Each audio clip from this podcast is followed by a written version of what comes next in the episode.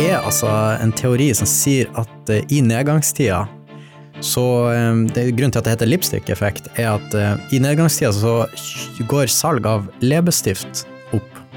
Og teorien går ut på at vi unner oss billig luksus når det er nedgangstida og, og, og, litt Man må stramme inn her og der, men så er det sånn man unner seg kanskje ikke noe veldig dyrt, men da heller noe som er litt sånn en, ja, en liten i, i, ting i hverdagen som kanskje er litt dyrere enn det man kunne ha kjøpt.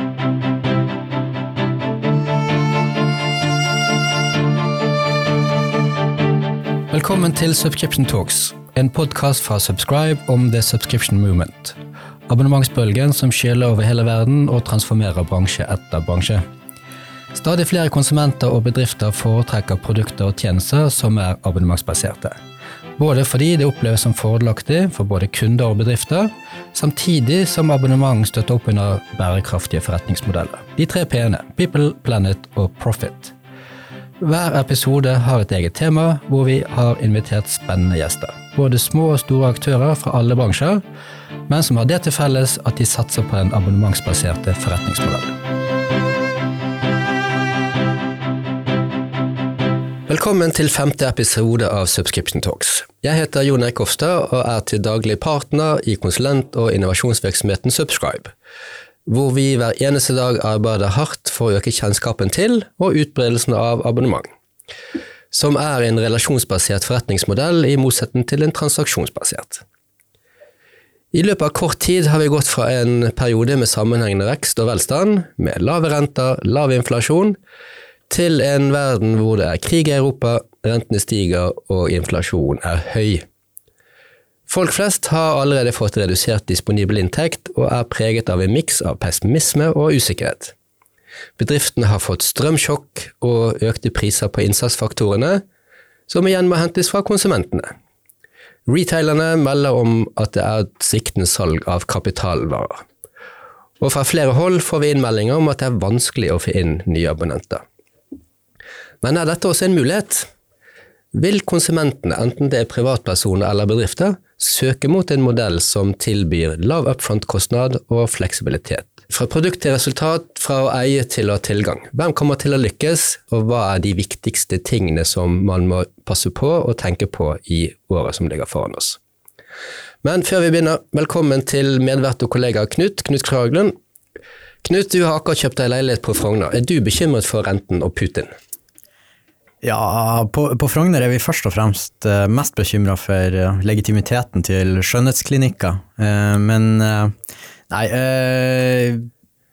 Ja, det er klart renta stiger og skal stige, men hvis du setter det opp mot potensiell atomkrig, så er nok kanskje Putin skumlere. Jeg er så vidt enig i det. På Frogner er vel kanskje champagneprisen et tema. Men velkommen til Morten Munch-Ulsen og Henrik Hojen som er dagens gjester.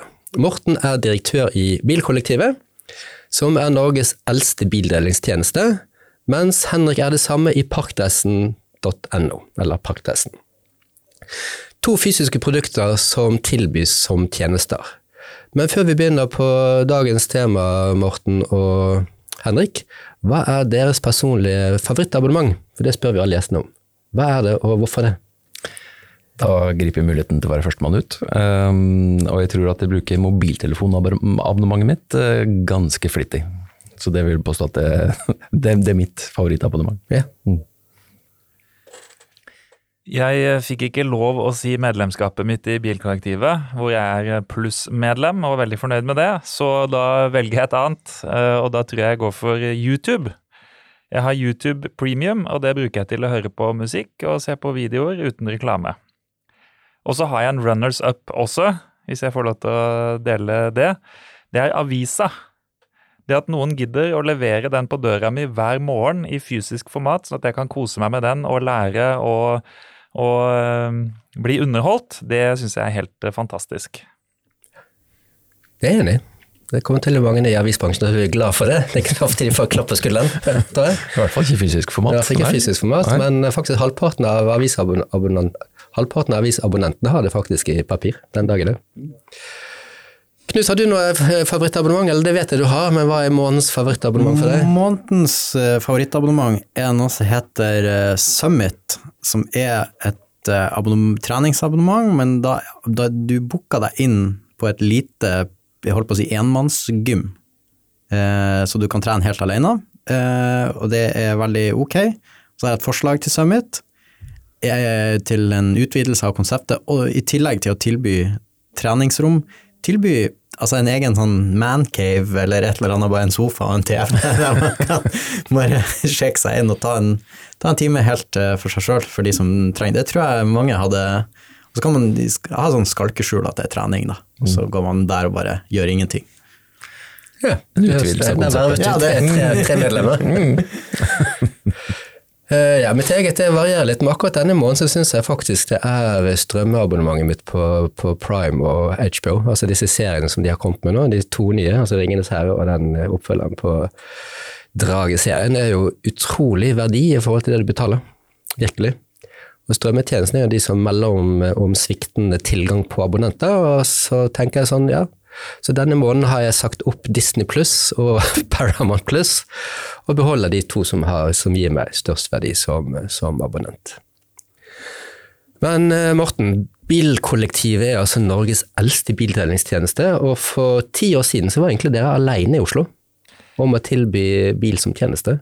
Det er helt riktig. Bilkollektivet ble stifta i 1995. og Da var det noen i Fremtiden i våre hender og Natur og Ungdom og Naturvernforbundet som tenkte at eh, det må jo finnes en smartere må måte å ha bil på enn at alle skal eie hver sin. Eh, Det var jo da selvfølgelig både ut ifra eh, kostnader og miljø og bærekraft på alle måter, da. Så har vi holdt på med det, og eh, har nok vært en litt sånn uh, uh, hemmelig tjeneste for mange. Uh, og så kom det konkurrenter, og nå er vi mye større, alle sammen.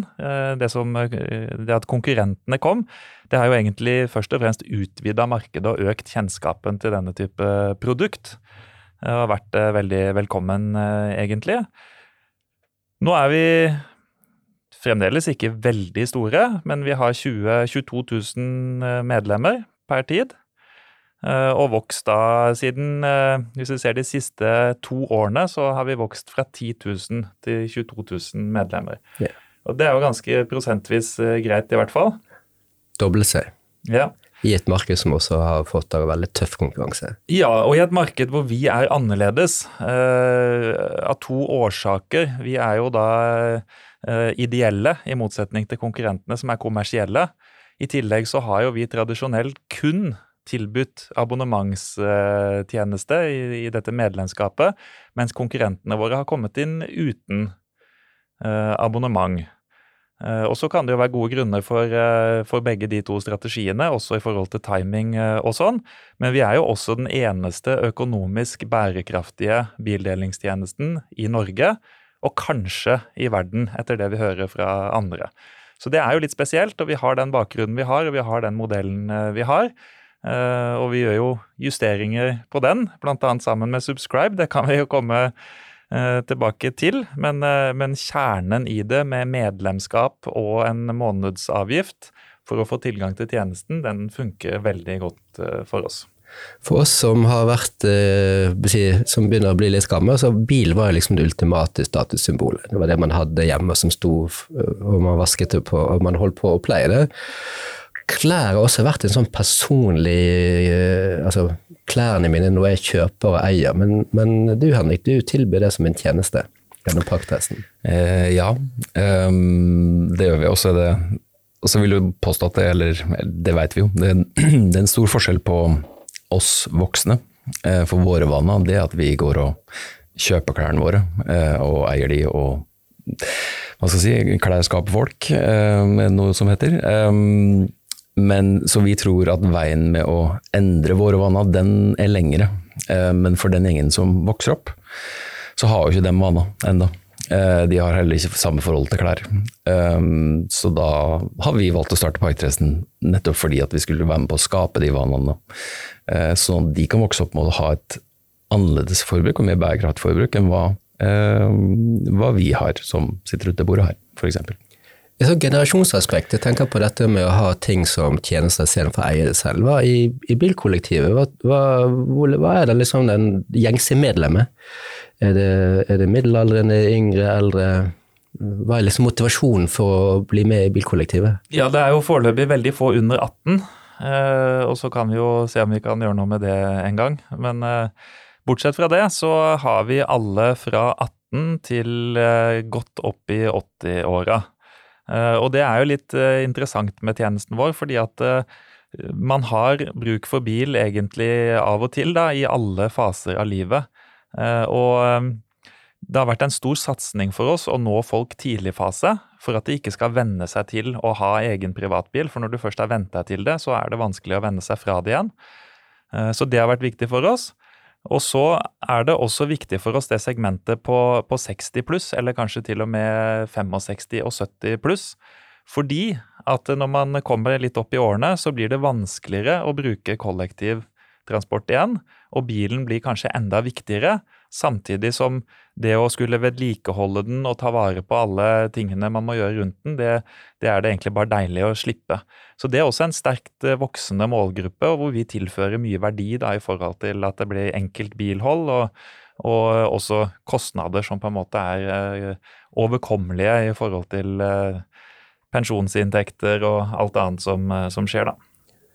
Merker dere nå i forhold til den innledningen vi hadde rundt usikkerhet, renter, altså at det er flere som er nysgjerrig på eie versus leie-modell? Altså sånn alternativen til å cashe ut, gå i banken, få lån, øke rammelånet på huset?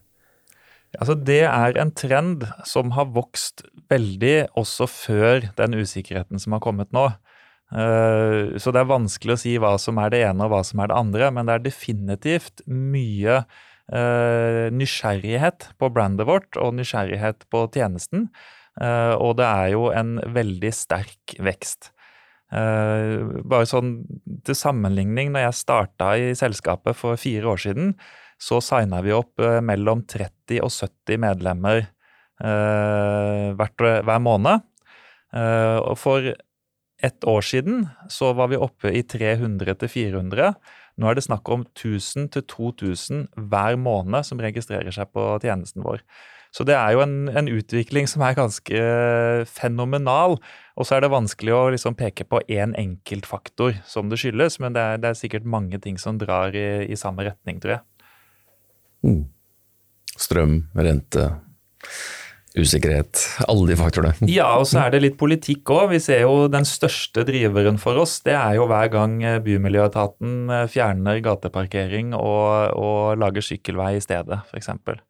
Og også det at sykler og elsykkel og kollektivtransport blir veldig tilgjengelig og veldig enkelt å, å bruke. Også med sykkelabonnement, som vi samarbeider med gjennom We så ser vi at det er en muliggjører for å bruke bilkollektivet heller enn å ha egen bil. Da.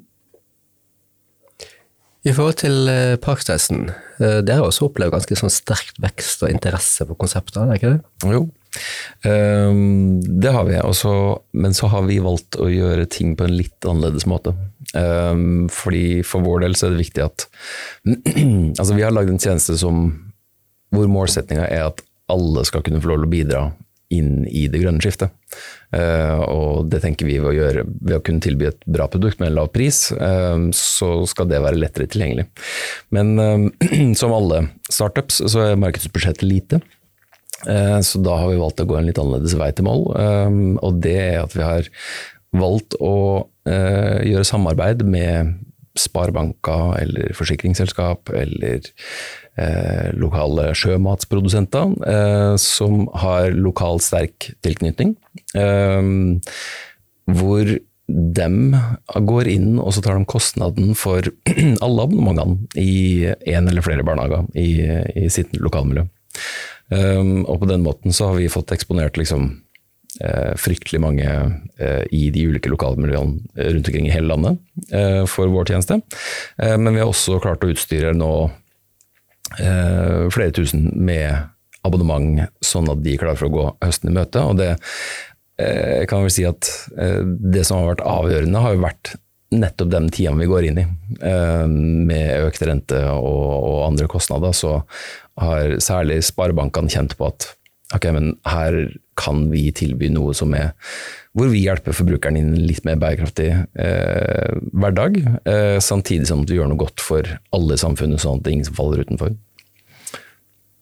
Vi som sitter rundt bordet her, vi har jo jobbet mye med abonnement og medlemskap. Hva tenker dere sånn generelt sett vil bli viktig i året som kommer, da, hvis vi bare ser tolv måneder frem? Hvis man i dag har en virksomhet som er basert på salg av fysiske produkter, det være seg om det er en brødrister, eller om det er en bil, eller en elsykkel, eller en, eh, altså, et par ski, eller hva det er for noe?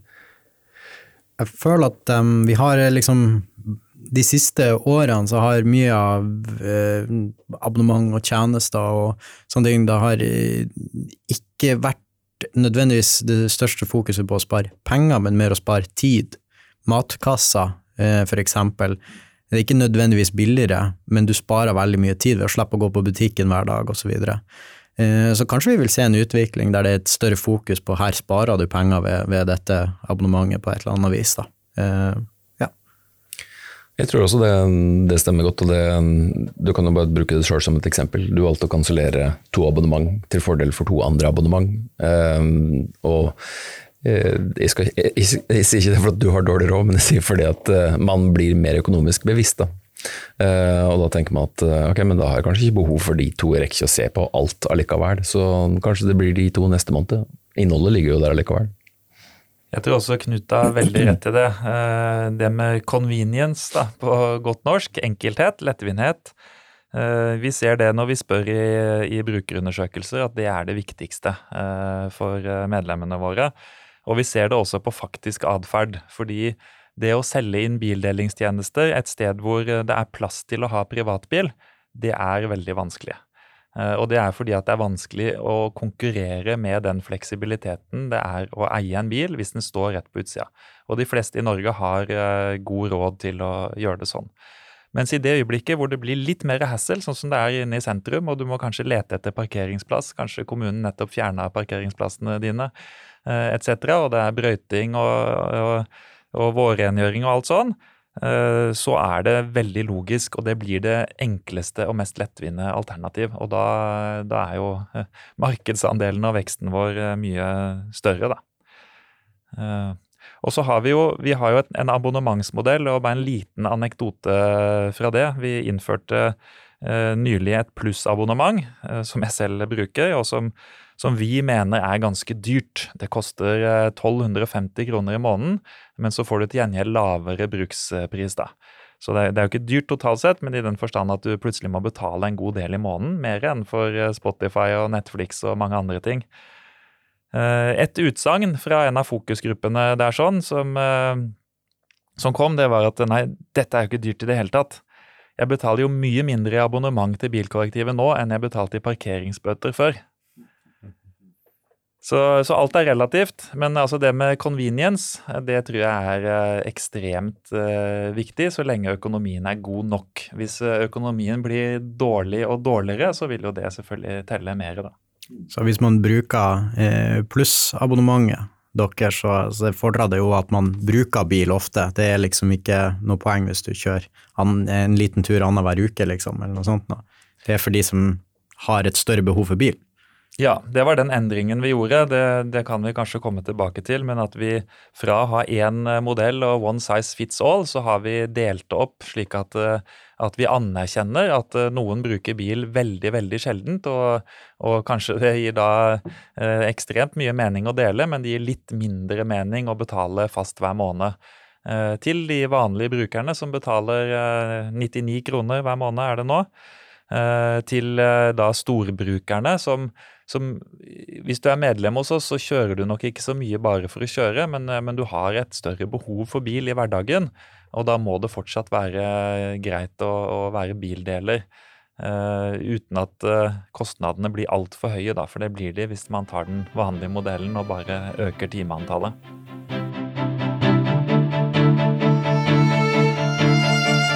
Jeg tror vi er inne på liksom det essensielle. Altså det er jo at dårlige tider eller krevende tider også krever produktutvikling. Altså at da må det skje noe.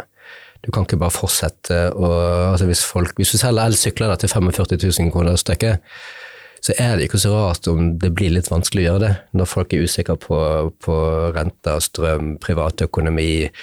Har jeg råd til å fyre opp jacuzzien på hytten min? Her skjønte jeg et problemstilling. Uh, og klart Hvis man da ikke utvikler forretningsmodellen sin, sånn at uh, kanskje noen vil kjøpe, men noen også vil ha det som tjeneste.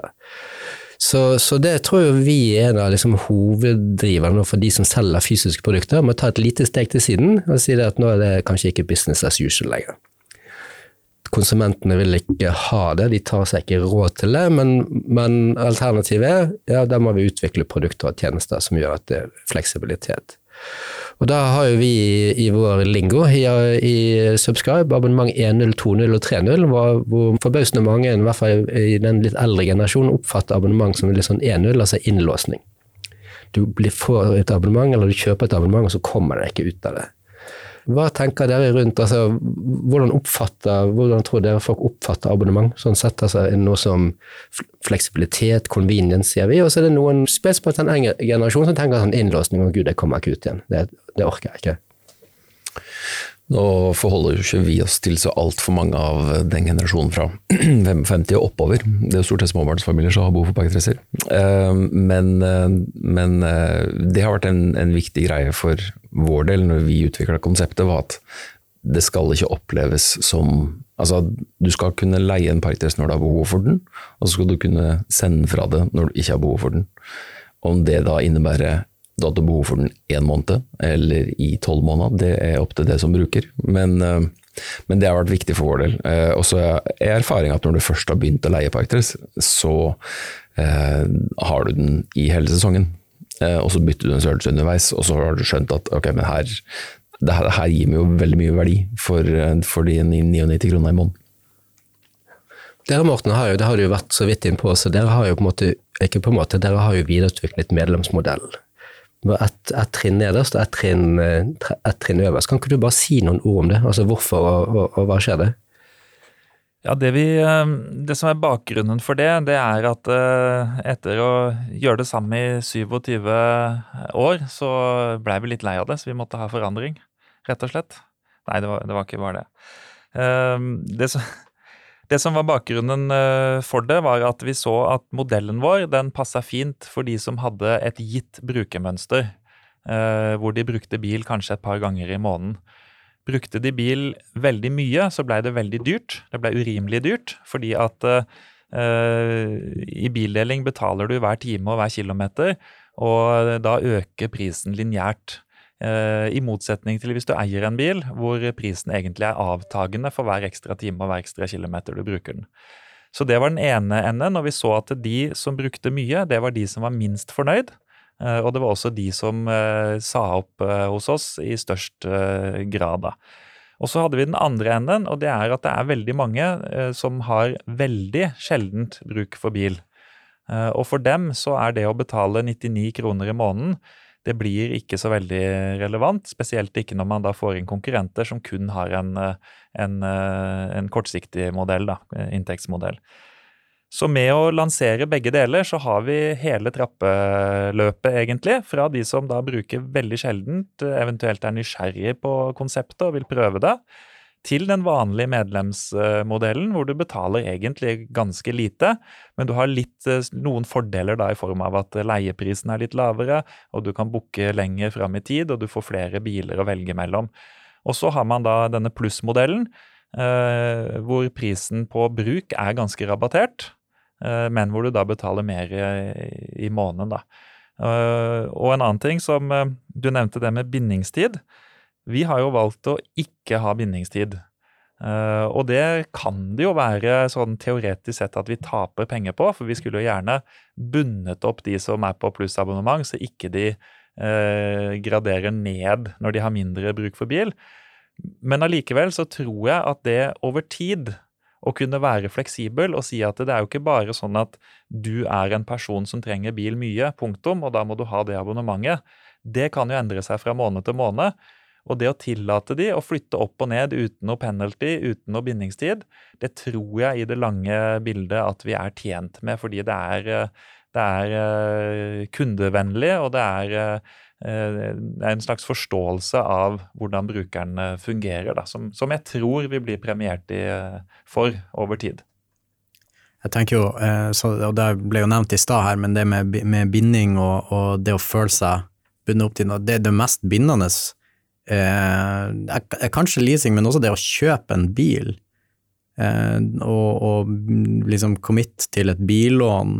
Og det er jo ikke enkelt, og, eller sånn, du selger ikke med nødvendigvis gevinst, eller altså den taper seg jo i verdi, og det er en ganske sånn Og det du eh, Ja, du låser midlene dine på en måte til det, da. Um, så det er veldig lite fleksibelt, vil jeg si, å kjøpe en bil kontra å bruke en biltjeneste som abonnement eller bilkollektiv, eller ja. Det er jo litt ironisk, for det bilen som på en måte var eh, frihetens symbol, den har jo for mange blitt det motsatte. Den er et eh, bur man sitter i på vei til og fra jobben i opptil en time hver dag for noen. Eh, og den innebærer en stor økonomisk forpliktelse. Og den innebærer vedlikehold og arbeid, da. Mens på et vis så tar jo bilkollektivet tilbake den friheten, for du får friheten til å bruke bil eh, akkurat når du ønsker, uten å behøve disse eh, økonomiske og praktiske eh, konsekvensene, da.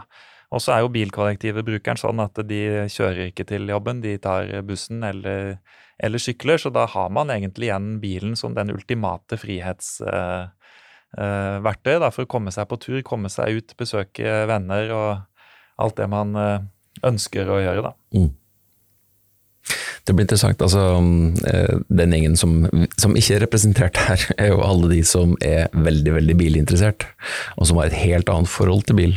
Uh, og det er jo interessant sånn uh, med, med, tanke på de, da, at det liksom sånn For en de opplever den samme kostnaden, men de har nok også en annen glede i bare det som, som du beskrev i, i, begynnelsen. At ja, man sto på utsida av garasjen, og så vaska man bilen sin, og så pusser man den. Og, så, og den gjengen, eh, er den utdøende? Eller når vi ser på de eh, siste norske seriene med liksom, eh, de rånerne i Telemark osv., så, videre, så liksom, den, den gjengen lever jo videre.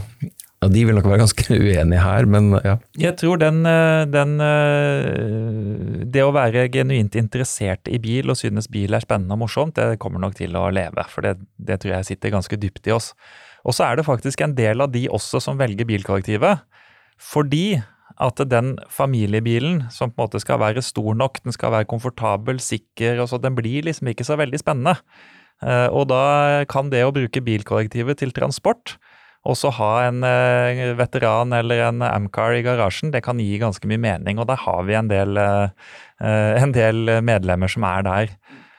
Kan jo legge til selv også at om ikke jeg er veldig bilinteressert, så er jeg veldig motorsykkelinteressert. Og for meg så er det å bruke mindre penger på bil og transport ved å, å bare booke bil akkurat når jeg trenger det, det frigjør kapital til å drive med litt gamle motorsykler og, og kose meg med det, mm. og pusse på de, da. Mm. Så, så det, det, kan gå sammen også. Ja, ja og, det, og det, ble jeg egentlig bare glad for å høre. tenker jeg. Er det noen som kjenner til fenomenet lipstick-effekt? Nei.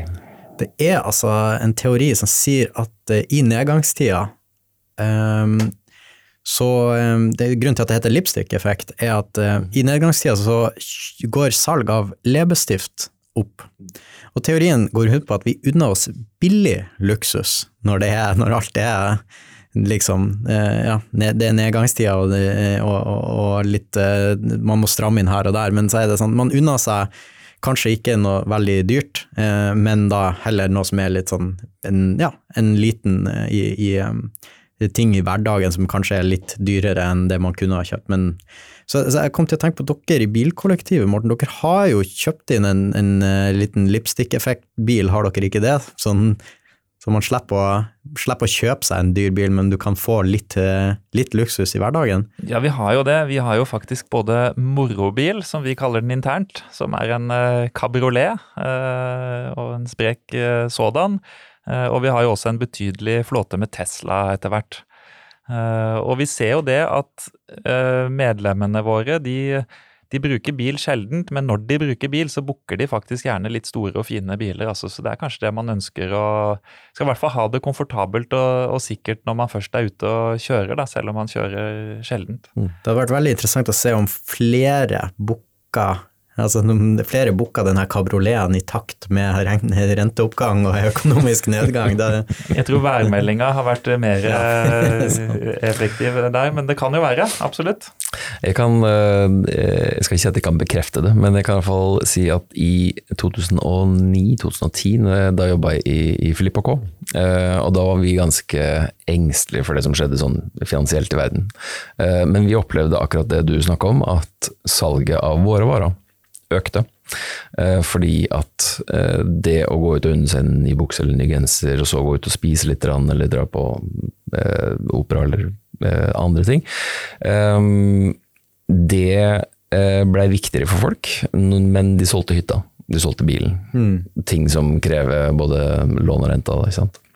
Eh, så kapitalvarene det var liksom det som ble krevende, og det ser vi vel egentlig starten på allerede nå, at hyttemarkedet har bremsa opp skikkelig. Eh, ikke bare, ikke bare er det vanskelig å selge, men vanskelig å bruke òg, for det er så dyrt. Eh, og da klart da blir du sittende hjemme da, og så tenker du da kan jeg i hvert fall gå ut og spise litt. Eller kjøpe noen nye klær, da. Så, så jeg tror nok det, det er ganske spot on hva som kommer til å skje. Vi i Subscribe har jo tenkt at det som skjer nå, det er jo også en, egentlig en stor mulighet for en del bransjer. Altså akkurat det vi snakker om nå. Altså at Folk kommer til å være forsiktige, investeringsviljen kommer til å synke, du har ikke lyst til å binde deg, for du vet ikke hva som kommer til å skje. Sånn at uh, det kommer til å bli en god del fysiske produkter, tror vi det, som kommer til å bli tilbudt som tjeneste, av den årsak. For alternativet er at det går dårlig, altså at folk kjøper det ikke. Um, men i, i, den sammenheng så tenker vi også på det at uh, det vil være noen bransjer også hvor det klarer first mover-fordeler. Altså de som er først innenfor en bransje, kanskje tar det markedet. I gamle dager så var jo Finn gjorde det, altså de tok uh, rubrikktjenesten til Schibsted, tok, tok hele rubrikkmarkedet digitalt. De forsøkte jo, de konkurrentene forsøkte etterpå, men det markedet var tatt. Uh, dere som på å si, abonnement og medlemsspesialister, er det noe som dere kunne tenke dere å ha i abonnement, som ikke blir tilbudt i dag? Er det på privaten? På privaten så eh, jeg gjør jo den øvelsen at jeg ofte kikker meg rundt og tenker hvorfor i all verden sitter vi og betaler på enten et stuebord eller en sofa eller en TV eller alle de tingene der. Um, fordi det har en, en stor kalle innkjøpskost, og så skal du kalle det betale nedover tid da, hvis du skal skrive det av til neste sofa. ikke sant? Um, jeg tror og når du snakker om uh, first mover-fordeler, så vil vi påstå at uh, Og det gjør jeg selvfølgelig, men uh, der vil jeg tenke at sånn som vi har gjort det i, i Parktesten, så har vi, vi da vi har lagd et produkt for utleie. og vi har helt spesifikt Vi har et veldig sterkt insentiv i at, å sørge for at det varer så lenge som mulig. Så en produksjonskostnaden, eller produksjonskostnaden vår, den er på sånn to til tre-gangeren av en, kall det vanlig tradisjonell parkdress. Eh, så det scenarioet du beskriver om at flere kommer til å tilby utleie, så det tror vi også. Eh, vi tror at utleiespacet kommer til å bli ganske crowded. Men de kommer til å leie ut produkter laga for en lineær økonomi. Eh, og problemstillinga med det er ikke første eller andre brukeren som opplever det samme produktet, men tredje, fjerde og femte brukeren som opplever et produkt som ikke tåle utleie på samme måte. Så, um, så, der tror vi at uh, hele fordelen med liksom sånn å ha lagd et produkt helt konkret for, for uh, utleie, vil være en stor fordel. Ja, og Der ligger jo også en god del av uh, altså bærekraftselementet. Altså For dere så lønner seg å lage ting som varer lenge, for da kan du leie det ut enda en gang. Det tror jeg du har veldig rett i. Det tror jeg er en veldig klok strategi. Og et veldig synlig eksempel på den strategien, eller i hvert fall noen som på en måte har oppdaga det, det er jo alle disse sparkesyklene som eh, nær sagt er strødd rundt overalt. De ser helt annerledes ut nå enn da de ble lansert eh, for kort tid, og det var jo fordi at levetiden ble ekstremt kort. Eh, nå er det sparkesykler som er designa mer for å brukes på den måten. Og jeg skulle gjerne hatt biler som var laget for å dele. De hadde sett litt annerledes ut enn biler som er laget for å eie. Eh, og vi, vi prøver å, å, anerkjenne det når vi velger modeller, og et eksempel er altså eh, Noen biler har et uhorvelig arsenal av knapper og brytere som gir mening hvis du vet hvor de er, men hvis du bare setter deg inn i bilen og så skal fly av gårde og så ordne alt liksom med en gang, så er det vanskelig. Så det å ha biler med, med færrest mulig, med enklest mulig grensesnitt da, for førstegangsbrukeren, eh, og et likest mulig grensesnitt mellom eh, modeller, det har vært veldig viktig for oss. Og det, det gir jo ikke så mye mening for en, en privatbilist, for de vil lære seg Eh, og kanskje er den eh, bilen med litt mer komplisert brukergrensesnitt bedre når du har lært den. Eh, mens den som er egna for oss, den er liksom tut og kjør og go og kom deg av gårde-varianten. Mm. Jeg skulle gjerne laga en fra bunnen, men dit har vi ikke kommet helt ennå. Altså. De kommer. okay. ja. Det som vi av og til har tenkt på, altså, som forbauser meg litt, det er jo altså business to business-markedet. Altså, altså, Subscribe er en ganske liten bedrift. ikke sant? Men vi er ganske typisk. Altså, den norske bedriften så vidt jeg vet, er i snitt sånn fire-fem ansatte. Altså, de norske bedriftene er små. Mm. Um, og det er klart det at hele hardware as a service-delen altså Jeg kunne hatt Mac-ene som abonnement, jeg kunne hatt mobiltelefonen. altså det som altså Hele den hardware as a service inn mot bedriftsmarkedet er jo, ser, tenker vi liksom at det, det burde noen gjøre noe med. Det, ehm, det, er opplagt. Så, ja, det er egentlig på en måte så er det litt sånn ja, Hvorfor er det ikke det? Jo, sannsynligvis fordi at enten har man tjent veldig gode penger på å selge det. Uh, Apple har jo snakket om det, at de skal komme med det. For meg bekjent så har ikke det materialisert seg ennå. Men, men, jeg tror også sånn i nedgangstiden nå så er det veldig mange bedrifter som kommer til å få det tøft, ikke bare privatpersoner. Mm. Altså når bakeren skal betale strømregning på 100 000 i måneden osv. Så, videre. så Så det å tilby fysiske produkter, om det er bakeovner eller flymotorer eller mm. batterier til båter, altså as a service tror jeg også innenfor bedriftsmarkedet kommer kanskje til å bli vel så stor som på privatmarkedet. Ja, altså, alt, altså, veldig mange som selger altså, kapitalvarer, varer som er, er fort ganske dyr. Eh, der er det alltid interessant å se på abonnement. Briller spesielt, altså. Det er jo Snittbrillen er vel en 8000-9000 kroner eh, for eh, Ja, for en standard brille, og så det, kan du få det opp til titalls tusen, liksom. Eh, og der er det jo mange som har begynt å tenke i abonnement og se på det. det er rett i. Synsam er jo Synsam Group, som er Norge, Sverige og Danmark. De startet med abonnement i slutten av 2016, i hvert fall i Norge begynte de i november 2016. Og de har nå, i de tre landene, så har de 450 000 brilleabonnenter. Det er 40% av omsetningen. Altså, I Norge så mener de jo, ta det med klype salt, mener rundt 400 millioner kroner de omsetter for på brilleabonnementet sitt. Altså en topplinje de har fått på seks-syv år. Ja, jeg skulle egentlig til å si at det er nok mest på Frogner at brillene er så dyre. Eh, på østkanten så har vi brilleabonnement, altså. men, jeg, men, jeg vil påstå, altså her vil jo nettopp abonnementsløsninga være en ganske sterk driver inn i eh, skiftet mot en sirkulær økonomi. Eh, fordi at man, i og med at man aldri eier produktet, Eh, så er det, jo, det er jo en annen som sitter og eier av produktet. Eh, og det går jo på sett og vis hånd i hånd med, med det EU eh, nå har kommet med sitt designdirektiv, hvor alle varer som skal inn og selges i EU, skal være laga for å passe inn i sirkulær økonomi.